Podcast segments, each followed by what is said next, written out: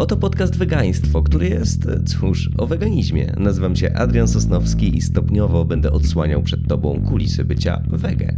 Jeśli ciekawi Cię, z czym to się je i nie tylko je, zapraszam do wysłuchania kolejnego odcinka pod tytułem Batalia o schabowego na poziomie Parlamentu Europejskiego. Ten odcinek jest częścią miniserii poświęconej konferencji European Vegan Summit, której partnerem jest podcast Wegaństwo. Dążenie do lepszej, bardziej empatycznej i zielonej rzeczywistości przypomina troszeczkę bieg z przeszkodami, przy czym te przeszkody czasami są tak duże, że ich pokonanie wydaje się być niemalże no, niewykonalne. Co musi się wydarzyć, żebyśmy byli w stanie zmienić system? Czy odpowiednia legislacja to faktycznie najbardziej skuteczna i szybka szansa na uratowanie świata? O tym, co nas wciąż blokuje na poziomie Unii Europejskiej i skąd powinniśmy czerpać wzorce, porozmawiam dzisiaj z Morgan Janowicz, członkinią zarządu Green Ref Institute. Morgan, witam cię serdecznie w wegaństwie. Bardzo miło. Fajnie, że będziemy rzeczywiście rozmawiać na temat tego, jak uratować e, świat Cześć, witam wszystkich. Morgan Janowicz, koordynatorka do spraw partnerstwa Green Ref Institute. Ja tak myślę, że o tym ratowaniu świata to dość często rozmawiam właśnie w kontekście też European Vegansami, też e, poprzednio z dziewczynami też o tym rozmawialiśmy. W ogóle cały czas to się przewija e, w kontekście weganizmu, no bo co myślisz, że weganizm jest w stanie uratować świat? Oczywiście, że tak. Myślę, że bez weganizmu nie jesteśmy w stanie uratować świata. No dobra, dobra, dobra, to wyjdźmy od tego. Chciałem Ciebie zapytać na samym początku jeszcze troszeczkę o te kwestie związane z Europarlamentem, ale takie bardziej osobiste, bo wiem, że Ty występowałaś w Europarlamencie i brałaś tam udział w dyskusji z Francem Timmermansem, prawda? Tak, to prawda. Brałam udział w debacie z wiceprzewodniczącym w ramach e, projektu dotyczącego zrównoważonej konsumpcji w Komisji Europejskiej. Oczywiście ze mną na sali były e, osoby aktywistyczne, ambasadorzy i ambasadorki European Climate Pact. Ja reprezentowałam, miałam przyjemność reprezentować Green Ref Institute i właśnie koalicję Future Food for Climate. Ale jako REF bierzemy także udział w posiedzeniach e, m.in. EU Platform on Animal Welfare i jesteśmy jedną z tylko 10 NGO-sów z Unii Europejskiej i tutaj reprezentuje nas e, Ania Spurek. No i super, no i gratu gratulacje. Oczywiście ja chciałem się Ciebie zapytać przede wszystkim, wiesz, jak było? Jak było występować w Europarlamencie na tak wysokim szczeblu? Tak zupełnie osobiście, prywatnie. Powiem Tobie, że e, my prowadzimy akurat dużo, dużo spotkań z, z, z posłami, posłankami do, do Parlamentu Europejskiego. Spotykamy się zwykle na naszych debatach, które organizujemy i także w codziennej naszej, naszej pracy rzeczniczej. E, więc myślę, że dla mnie to była po prostu szansa, żeby wyjść e, z, z, z tym, co mam do powiedzenia, co mamy do powiedzenia jako Green Ref Institute i koalicja Future Food for Climate e, i to było dla mnie najważniejsze. No okej, okay, no dobra. A jakie są reakcje posłów i posłanek na tego typu wystąpienia, czyli wystąpienia w sumie osób reprezentujących jakieś zewnętrzne organizacje proekologiczne? Tutaj muszę powiedzieć Tobie, że niezależnie od miejsca, reakcje są zazwyczaj takie same z empatią, zrozumieniem spotykamy się ze strony na przykład Eleonory Ewi, Francisco Guerreiro oraz rzecz jasna naszej posłanki do Parlamentu Europejskiego Sylwii Spurek, która jest jedyną polityczką, posłanką z Polski, która w sposób jasny i otwarty mówi o weganizmie. Niestety, jeżeli chodzi o, o nasz Sejm czy Senat, no to y, posłów, y, no, polityków raczej wegan czy weganek nie mamy. I to jest smutne, ale, ale też bardzo często zdarza się, że, że, że wszędzie, gdzie idziemy, jesteśmy pouczane, daje nam się do zrozumienia, że, że nie rozumiemy tradycji, nie szanujemy tej kultury nie rozumiemy prawa do tak zwanego kotleta schabowego. I to jest, e, jak bądźmy sobą szczerzy, to jest problem wszystkich partii e, i my je nazywamy meat party. I to obojętnie, czy to jest lewa strona, czy, czy, czy, czy prawa, czy są posłowie, posłanki, senatorzy, decydenci mówią, że nie da się, że jest za wcześnie, że może na przykład same poprowadzimy jakieś wegańskie kursy gotowania, w taki sposób będziemy edukować i to jest bardzo wygodne podejście. No tak, ale to wymieniłaś trzy nazwiska na gruncie europejskim, tak? Więc to co, czyli mamy troje posłów, którzy są e, pro-wege powiedzmy, a cała reszta to jest meat party? Ale zobacz, ile dałoby się zrobić, o ile więcej dałoby się zrobić, gdybyśmy mieli takich e, posłanek, posłów jak, jak Sylwia Spurek. No niestety, jeżeli chodzi o Parlament Europejski, e, no to także tych, tych posłów, posłanek można wyliczyć na jednej ręce.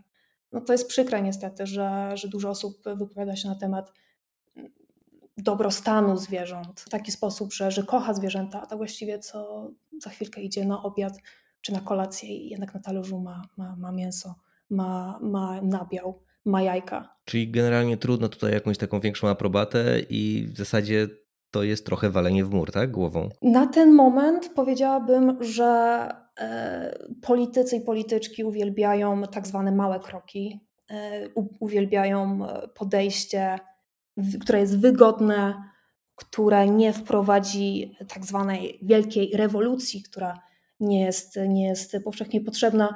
Takie słyszałam głosy nie, niejednokrotnie, które w moją stronę były skierowane. No taka jest niestety prawda. No tak, tylko tak jak też Lena mówiła ostatnio, no my już chyba nie mamy czasu na te tylko małe kroczki i trzeba działać. Ale w ogóle jak są tego typu wystąpienia, proekologiczne, prowegańskie, ogólnie prozwierzęce, to jak wygląda frekwencja na sali? No bo to rozumiem, że jest wcześniej zapowiedź, że takie wystąpienie będzie i tam nie każdy musi przyjść. Tak, i tutaj jeżeli chodzi o, o frekwencję, no to niestety tych głosów, e, które bronią rzeczywiście zwierząt pozaludzkich jest bardzo mało.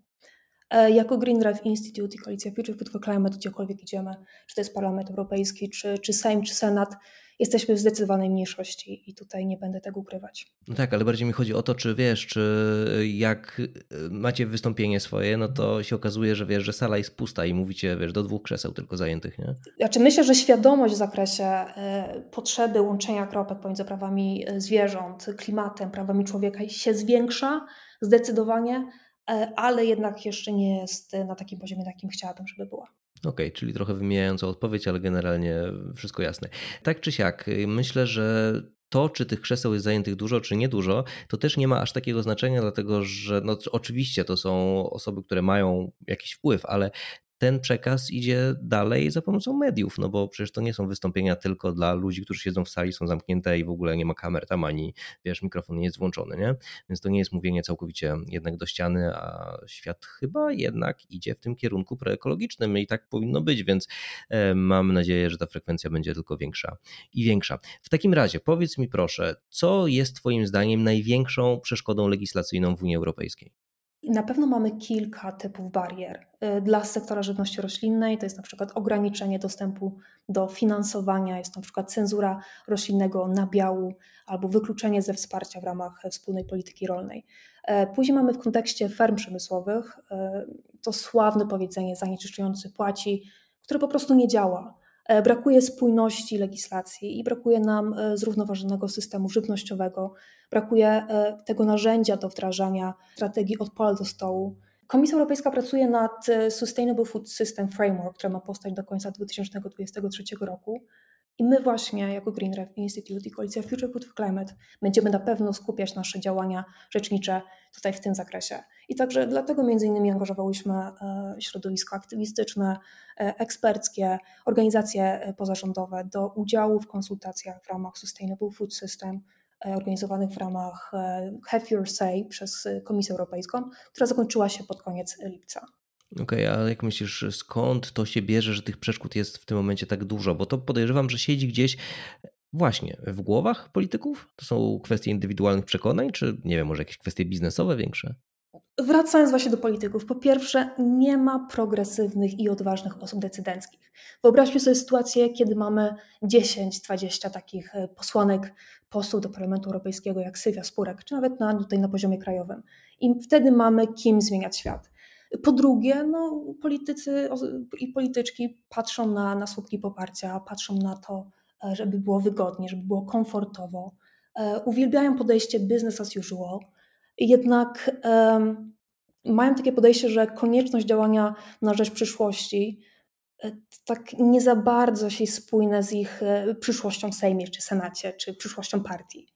I nie, nie możemy ukrywać, że stare partie, stare strategie, stare podejścia do green i humane washingu to jest na, na porządku dziennym i mamy masę niezałatwionych spraw. I to jest nie tylko kwestia praw zwierząt i transformacji systemu żywnościowego. Tutaj musimy powiedzieć, że to, jest też, to są też prawa kobiet, to są też prawa osób uchodźczych, prawa osób LGBTQI, czy prawa osób starszych. Mamy masę niezałatwionych spraw, mamy e, masę zbijanego codziennego kapitału politycznego na akcjach oddolnych, na działaniach NGO-sów. Przecież już wszędzie na, na, na portalach społecznościowych widzimy jakieś selfie e, od polityków, polityczek, które naprawdę nic nie zmieniają. My potrzebujemy tutaj zmian systemowych. No ja myślę, że gdyby było więcej takich e, posłanek i posłów jak e, Sylwia Spurek, no to, to by się ziścił koszmar największy, wiesz, prawicy w tym wypadku. No bo jednak, co by o Sylwii Spurek nie mówić i mm, tam czy się zgadzamy, czy się zgadzamy, to jest jedno, ale e, no jest to polityczka kontrowersyjna i to mocno kontrowersyjna, ale wydaje mi się, że ta kontrowersja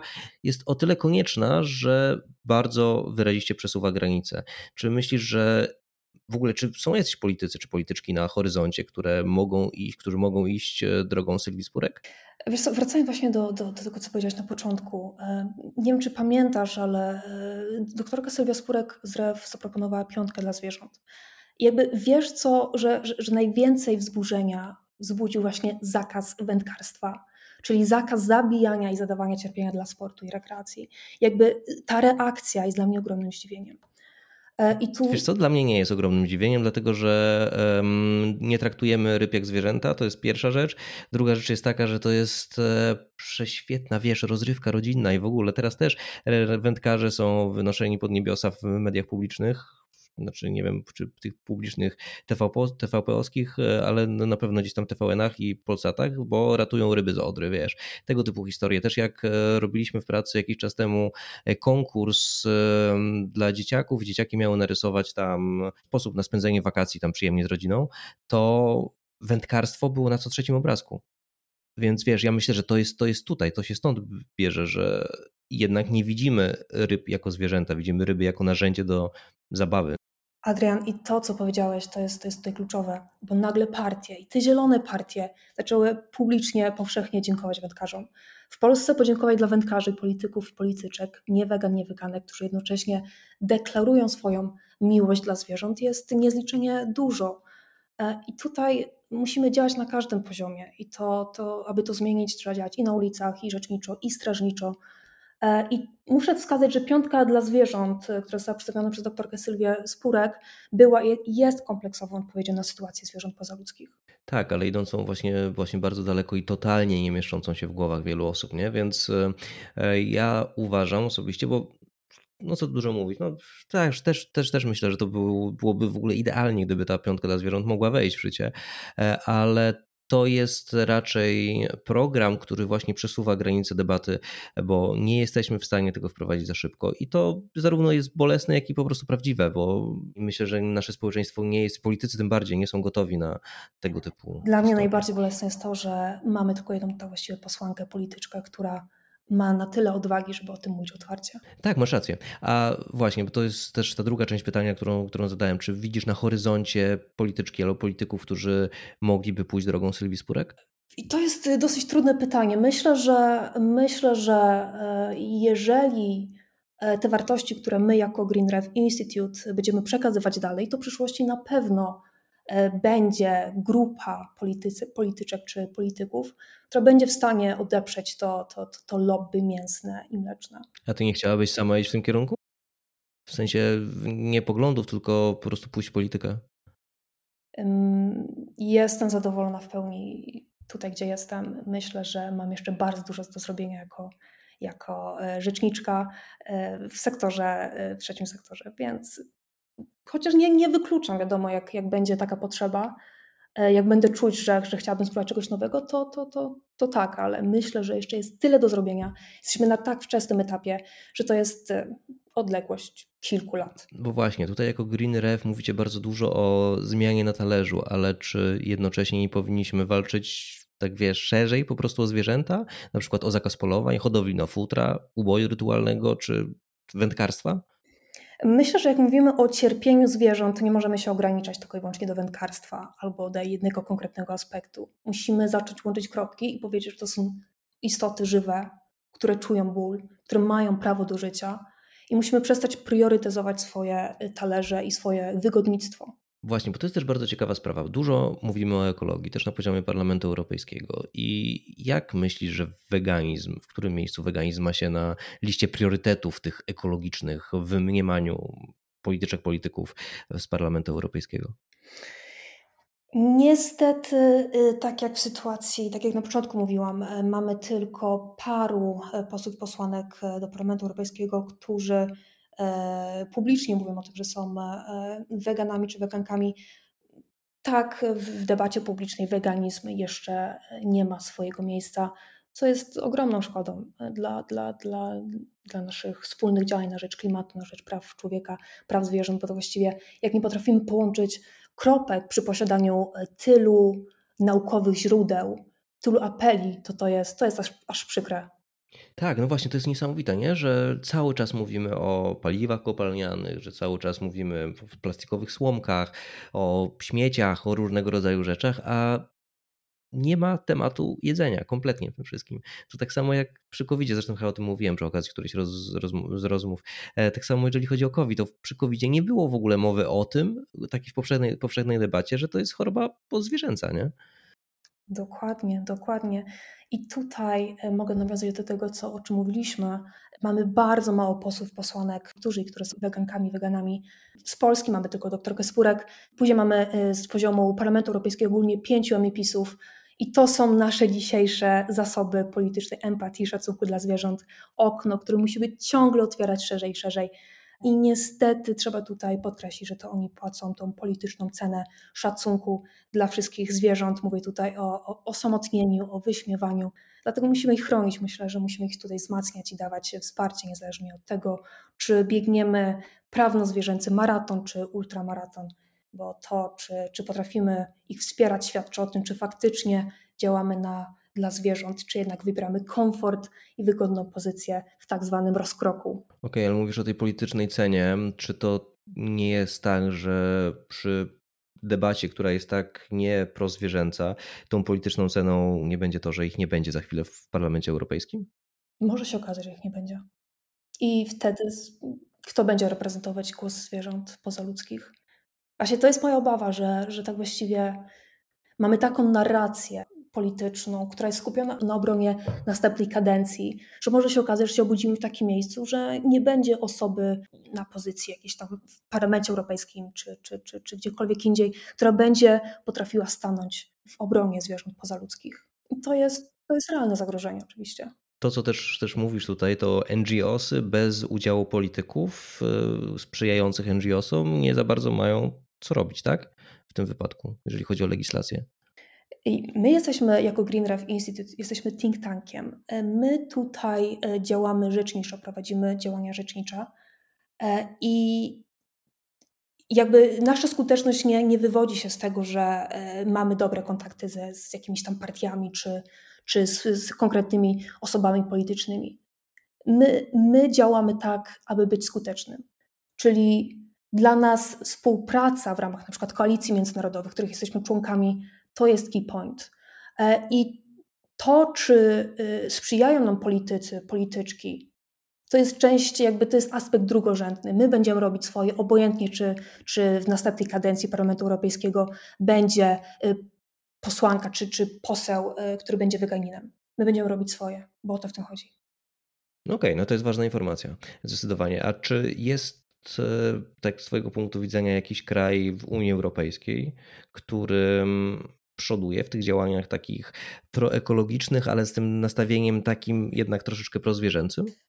Y, mogę Tobie podać, że nie kraj, a, a konkretne przykłady polityków, na przykład jak burmistrz Nowego Jorku, który wprowadził wegańskie y, piątki.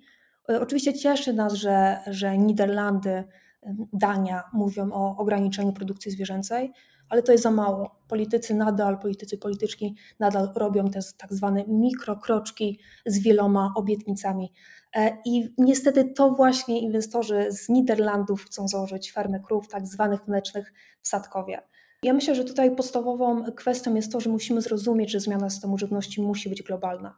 Dlatego właśnie wspieramy Plant-Based Treaty, czyli traktat roślinny, który jest tą mapą drogową dla zmiany systemu żywności, który po prostu jest bankrutem. Nowy Jork to w sumie nie bardzo Unia Europejska, no ale tak, czyli tutaj mówisz, że nie mamy wzorców, tak, których moglibyśmy czerpać i te wzorce dopiero musimy stworzyć albo sięgnąć jeszcze dalej. Czy poza Nowym Jorkiem i burmistrzem Nowego Jorku jakiś inny kraj pozaeuropejski e, przychodzi ci do oprócz tych, tych stanów, tego wycinka przychodzi Ci do głowy? Myślę, że y, tutaj idealnym przykładem takich działań, które mają na celu zmianę systemu, y, są działania w ramach koalicji Future Food for Climate.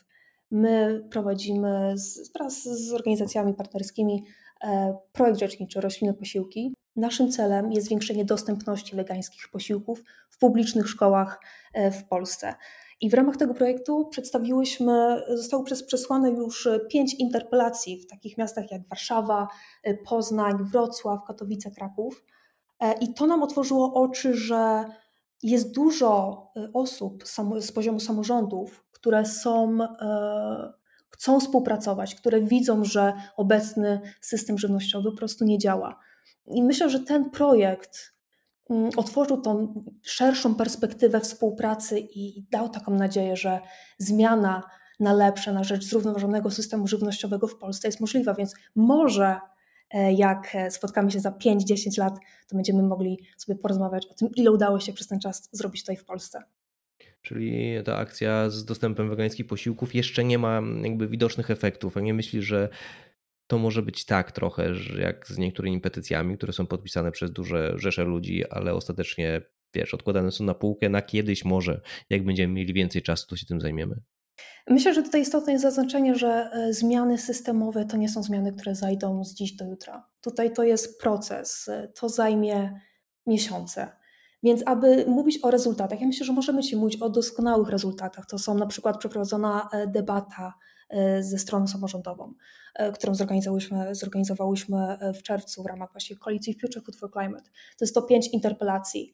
E, to jest petycja, którą będziemy za niedługo składać w różnych miastach w Polsce w ramach naszej współpracy z, z stroną, z obywatelami, obywatelkami, ale także organizacjami społeczeństwa obywatelskiego. To jest to, że spotykamy się ze stroną decydencką i prowadzimy ten dialog. Myślę, że to są sukcesy. E, ale tak jak powiedziałam, zmiany systemowe nie zachodzą z dnia na dzień. Za parę miesięcy, jeżeli e, chciałbyś zobaczyć coś bardziej spektakularnego, to na pewno będę w stanie Tobie więcej pokazać.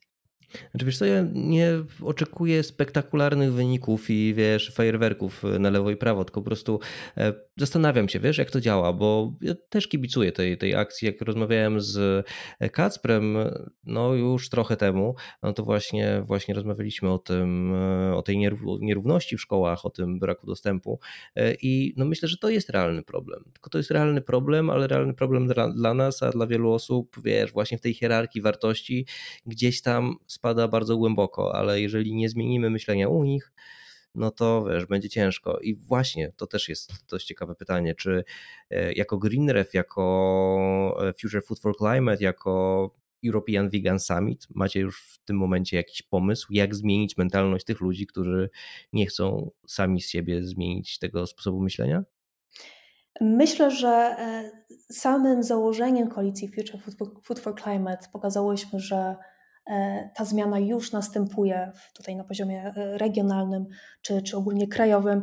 Jedna koalicja to jest 54 organizacje e, społeczeństwa obywatelskiego z Polski i z Ukrainy i myślę, że to zaangażowanie i ta chęć działania, wspólnego działania, współpracy, tej, tej, tej takiej solidarnej współpracy rzeczywiście pokazuje, że te zmiany się dzieją, tutaj są przed nami. Nie musimy wcale czekać E, więc e, jako Green Institute i Koalicja Future Food for Climate na pewno będziemy działać wspólnie mm, i, i rozbudowywać swoją sieć partnerstwa, aby mieć większe zasięgi, bo jednak e, myślę, że tutaj pokazanie, że 54 organizacje to jest koalicja Future Food for Climate w dniu dzisiejszym, to jednak robi już jakieś wrażenie. I czy przesyłamy jakieś listy, apele, stanowiska, z podpisami tych naszych partnerów, to, to już jednak daje do myślenia, że jesteśmy, sprawdzamy i będziemy sprawdzać, i właśnie taka jest nasza rola. Dobra, mam dwa pytania i jedno w sumie takie, które mi przyszło do głowy już przy ostatniej rozmowie e, z Leną i Zuzą, bo za każdym razem, jak słyszę z Waszych ust o tym, że e, coś tam się wydarzyło w kontekście European Vegan Summit czy w kontekście Future Food for Climate, to mówicie, że zrobiłyśmy E, albo wykonałyśmy coś, czyli w formie żeńskiej. Czy to tak faktycznie jest, że u was są same, same kobiety w zespole? Bo przecież tam jest też Marcin Anaszewicz, prawda?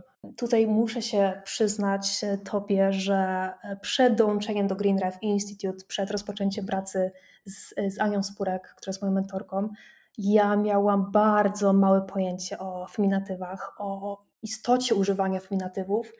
E, I to, że stosujemy feminatywy, to jest bardzo ważna e, część tego, co robimy, bo jednak staramy się angażować młode osoby, ale tutaj e, w tym kobiety, bo jednak jak, jakbyś, jak spojrzeć na, na scenę polityczną, czy większość osób, które dzisiaj podejmują decyzje przy stołach tak, tak zwanych, to są tak mężczyźni, jest brak tego kobiecego głosu, więc tutaj bardzo mocno nam zależy na tym, aby, aby inwestować w kobiety, aby budować e, zasoby e, młodych dziewczyn, które chcą zmieniać świat. I Green Rev Institute jest właśnie przestrzenią do tego. Tak, ale ja tego nie neguję zupełnie. Wiesz, e, wszystko, wszystko w porządku, ale to znaczy, że czy do, do tych waszych działań żaden mężczyzna nie przyłożył ręki? Na ten, na ten moment w naszym zespole pracują same kobiety. Oczywiście jest doktor Anaszewicz, to jest e, tak zwany mózg naszego, naszych, naszych wszystkich projektów i wcale nie, nie tutaj nie, nie wykluczamy e, Marcina z, z tego z zespołu, ale jednak lubimy zaznaczać, że, że, że konkretnie nad tymi rzeczami pracowały kobiety i używać tych feminatywów. Marcin jest osobą, który, bez której Green Rev Institute nie byłby dzisiaj w tym miejscu, w którym jesteśmy. E, to jest osoba, która ma niesamowite pomysły, e, potrafi też niesamowicie zarządzać e, ludźmi i potencjałem, więc tutaj w żaden sposób nie chcę pominąć jego roli w budowaniu REW i w budowaniu tego, co mamy teraz jako Green Rev Institute, koalicja Future Food for Climate, jednocześnie European Vegan Summit o to, o to mi chodziło, że tutaj mm, zastanawiałem się, czy nie ma jakiejś, jakiejś niespójności w tej waszej narracji, ale no okej, okay, no rozumiem. No feminatywy też uważam, że są bardzo ważne i też e, za rzadko używane cały czas, ale to, to temat na zupełnie e, inną rozmowę. E, mam też takie pytanie, mhm, które no jest pytaniem o rzeczywistość w takim wariancie pesymistycznym. Załóżmy, że prawo by się nie zmieniło. Ani u nas, ani w innych krajach, na innych kontynentach, e, poza Europą też. Jak myślisz, że będzie wyglądała rzeczywistość za powiedzmy te 30 lat? Ja mówię tutaj o prawie w tym kontekście takim prozwierzęcym, prowegańskim. Wiesz co, ja muszę przyznać się Tobie, że e, nie mogę się doczekać, kiedy minie w końcu ten, ten okres tak zwany wakacyjny, kiedy ludzie wrócą, wrócą do tego e, normalnej, do tej normalnej responsywności, bo myślę, że kolejny miesiąc bez zmiany nie będzie świata. Nie będzie świata. Kryzys klimatyczny to nie bajka czy, czy film pojutrze. To jest rzeczywistość i dlatego jeszcze raz tutaj wrócę. Bez odważnych polityków, polityczek i nowych strategii za 30 lat, czy tam za no może 25, może za 20 lat e, będziemy zabijać się o, o wodę. E, oczywiście możliwe jest też e, powolne to tak zwane umieranie tutaj demokracji, praw człowieka, praw zwierząt, wartości idei. E, myślę, że tutaj istotne jest to, że za chwilę są wybory w Polsce, mm, za chwilę we Włoszech, a jednak musimy zwrócić uwagę na to, że populizm, proste odpowiedzi na trudne pytania są dzisiaj w trendzie i to jest bardzo niepokojące, bo potrzebujemy masy krytycznej, takiej jaką tworzymy w ramach Future Food for Climate, wrew, potrzebujemy aktywizacji i mobilizacji i przełamania monopolu na, na rzecznictwo i na e, niedaizm. Okej, okay, dobra, to teraz z drugiej strony. Załóżmy, że wszystko pójdzie dobrze. European Vegan Summit faktycznie odbije się szerokim echem wśród polityków, zostaną podjęte różne kroki, żeby zaprzestać finansowania przemysłu zwierzęcego i będziemy wspierali branżę roślinną. Jak uważasz, jaki jest okres potrzebny na taką zmianę? Bo to prawa, wiesz, nie przebudowuje się z dnia na dzień. Poszczególne kraje potrzebują czasu, biznesy muszą wygasnąć. Wiesz, załóżmy więc, że ten silny impuls jest wypuszczony dzisiaj i parlamentarzyści zaczynają pracę. Kiedy możemy spodziewać się efektów w tym takim najbardziej szczęśliwym scenariuszu? Już jutro. Rozporządzenie ministra zdrowia z 2016 o żywieniu zbiorowym to zmiana do zrobienia przy woli politycznej w kilka miesięcy. E, podobnie inne regulacje. E, opracowujemy teraz mapę drogową dla Sustainable Food System, czyli zrównoważonego systemu żywnościowego, czyli e, mapę zmian na poziomie krajowym. Zmiana dzisiaj to nie są lata, to są miesiące, oczywiście przy zachowaniu terminów przewidzianych w regulacjach. Była, była szansa przy wspólnej polityce rolnej w 2020 roku, która została zaprzepaszczona w 2021. Podobnie polityka spójności 2021-2027. Nadal są szanse na lepszą implementację, ale nikt nie chce zaburzenia tego, co było. Dzisiejsi politycy i polityczki wierzą w tak zwane pieśni, ballady z przeszłości, zielone łąki, sielskie doliny, wolność na talerzu, diety lepsze dla planety, ale gorsze dla zwierząt pozaludzkich. Ostatnie badania pokazują, że ekologiczne hodowle nie są rozwiązaniem i prawda jest trudna e, i myślę, że czas się z nią codziennie konfrontować. Pomijając już tę naszą perspektywę, to, że ty działasz w Rewie i w ogóle wiesz, tę taką nadzieję na to, że ta wegańska dobra zmiana w cudzysłowie e, nastąpi. Jak myślisz, tak realnie patrząc, stojąc jako mm, osoba, która mieszka w Europie, e, patrząc na działania Parlamentu Europejskiego i w ogóle tego, co się dzieje, dokąd zmierza Europa? Mamy dwie drogi. Mamy izolację ze względu na fakt, że decydenci i decydentki nie chcą uwierzyć w dane naukowe i bronią swoich normalnych mleczek, śmietanek, serów, serniczków i polędwiczek i czegokolwiek innego. E, ostatnia sytuacja z fermą ośmiornic w Hiszpanii, przecież to jest dobry przykład. Jeżeli powstanie i Unia Europejska tego nie powstrzyma, to, to mamy odpowiedź na to pytanie nadal wygrywa kultura psucia, bo tradycja, bo kultura, bo wybory, bo przyzwyczajenia, bo trudno zmienić, bo strach. Ja myślę, że potrzebujemy silnego, nowego przywództwa w obszarze trzeciego sektora i polityki, i jednocześnie mediów. E, I ja myślę, że y, musimy zostawić za sobą tą nostalgię dawnych, wspaniałych czasów, tego dostatku e, i szybkich reform. I jeżeli by nam się to udało, to myślę, że przyszłość może być realna dla, dla przyszłych pokoleń. Jaką rolę w tym wszystkim widzisz e, European Vegan Summit? Myślę, że przede wszystkim to jest zebranie e, osób, które reprezentują e, świat polityki, świat mediów, świat biznesu, organizacje pozarządowe, aktywistów, aktywistki. Zebranie w jednym miejscu te wszystkie osoby eksperckie, przedstawienie faktów, przedstawienie perspektyw, połączenie kropek. I mam nadzieję, że uświad- zwiększy to świadomość osób, które będą nas oglądać, że kryzys klimatyczny jest realnym zagrożeniem, że prawa zwierząt e, to, są, to jest nieodłączny element walki o naszą przyszłość i to jest y, jednocześnie połączone z prawami człowieka e, i, i z tym, co się dzieje z, z, z utratą bioróżnorodności. Mam nadzieję, że e, European Vegan Summit będzie, znaczy już teraz wiem, że to jest y, pierwsze takie wydarzenie na mapie Europy, to właściwie miało się y, odbyć tylko w ramach Europy, ale z tego powodu, że wyszłyśmy trochę z, z osobami właśnie, które będą uczestniczyć y, w ramach paneli poza Europę, to teraz to jest takie bardziej wydarzenie globalne ale myślę, że e, to jest dopiero początek takiej, takiej naszej wspólnej drogi w ramach tworzenia dialogów, w ramach tworzenia nowych partnerstw, współpracy, tworzenia wizji przyszłości e, i wspólnej pracy dla, dla dobra wszystkich zwierząt, tych ludzkich i pozaludzkich.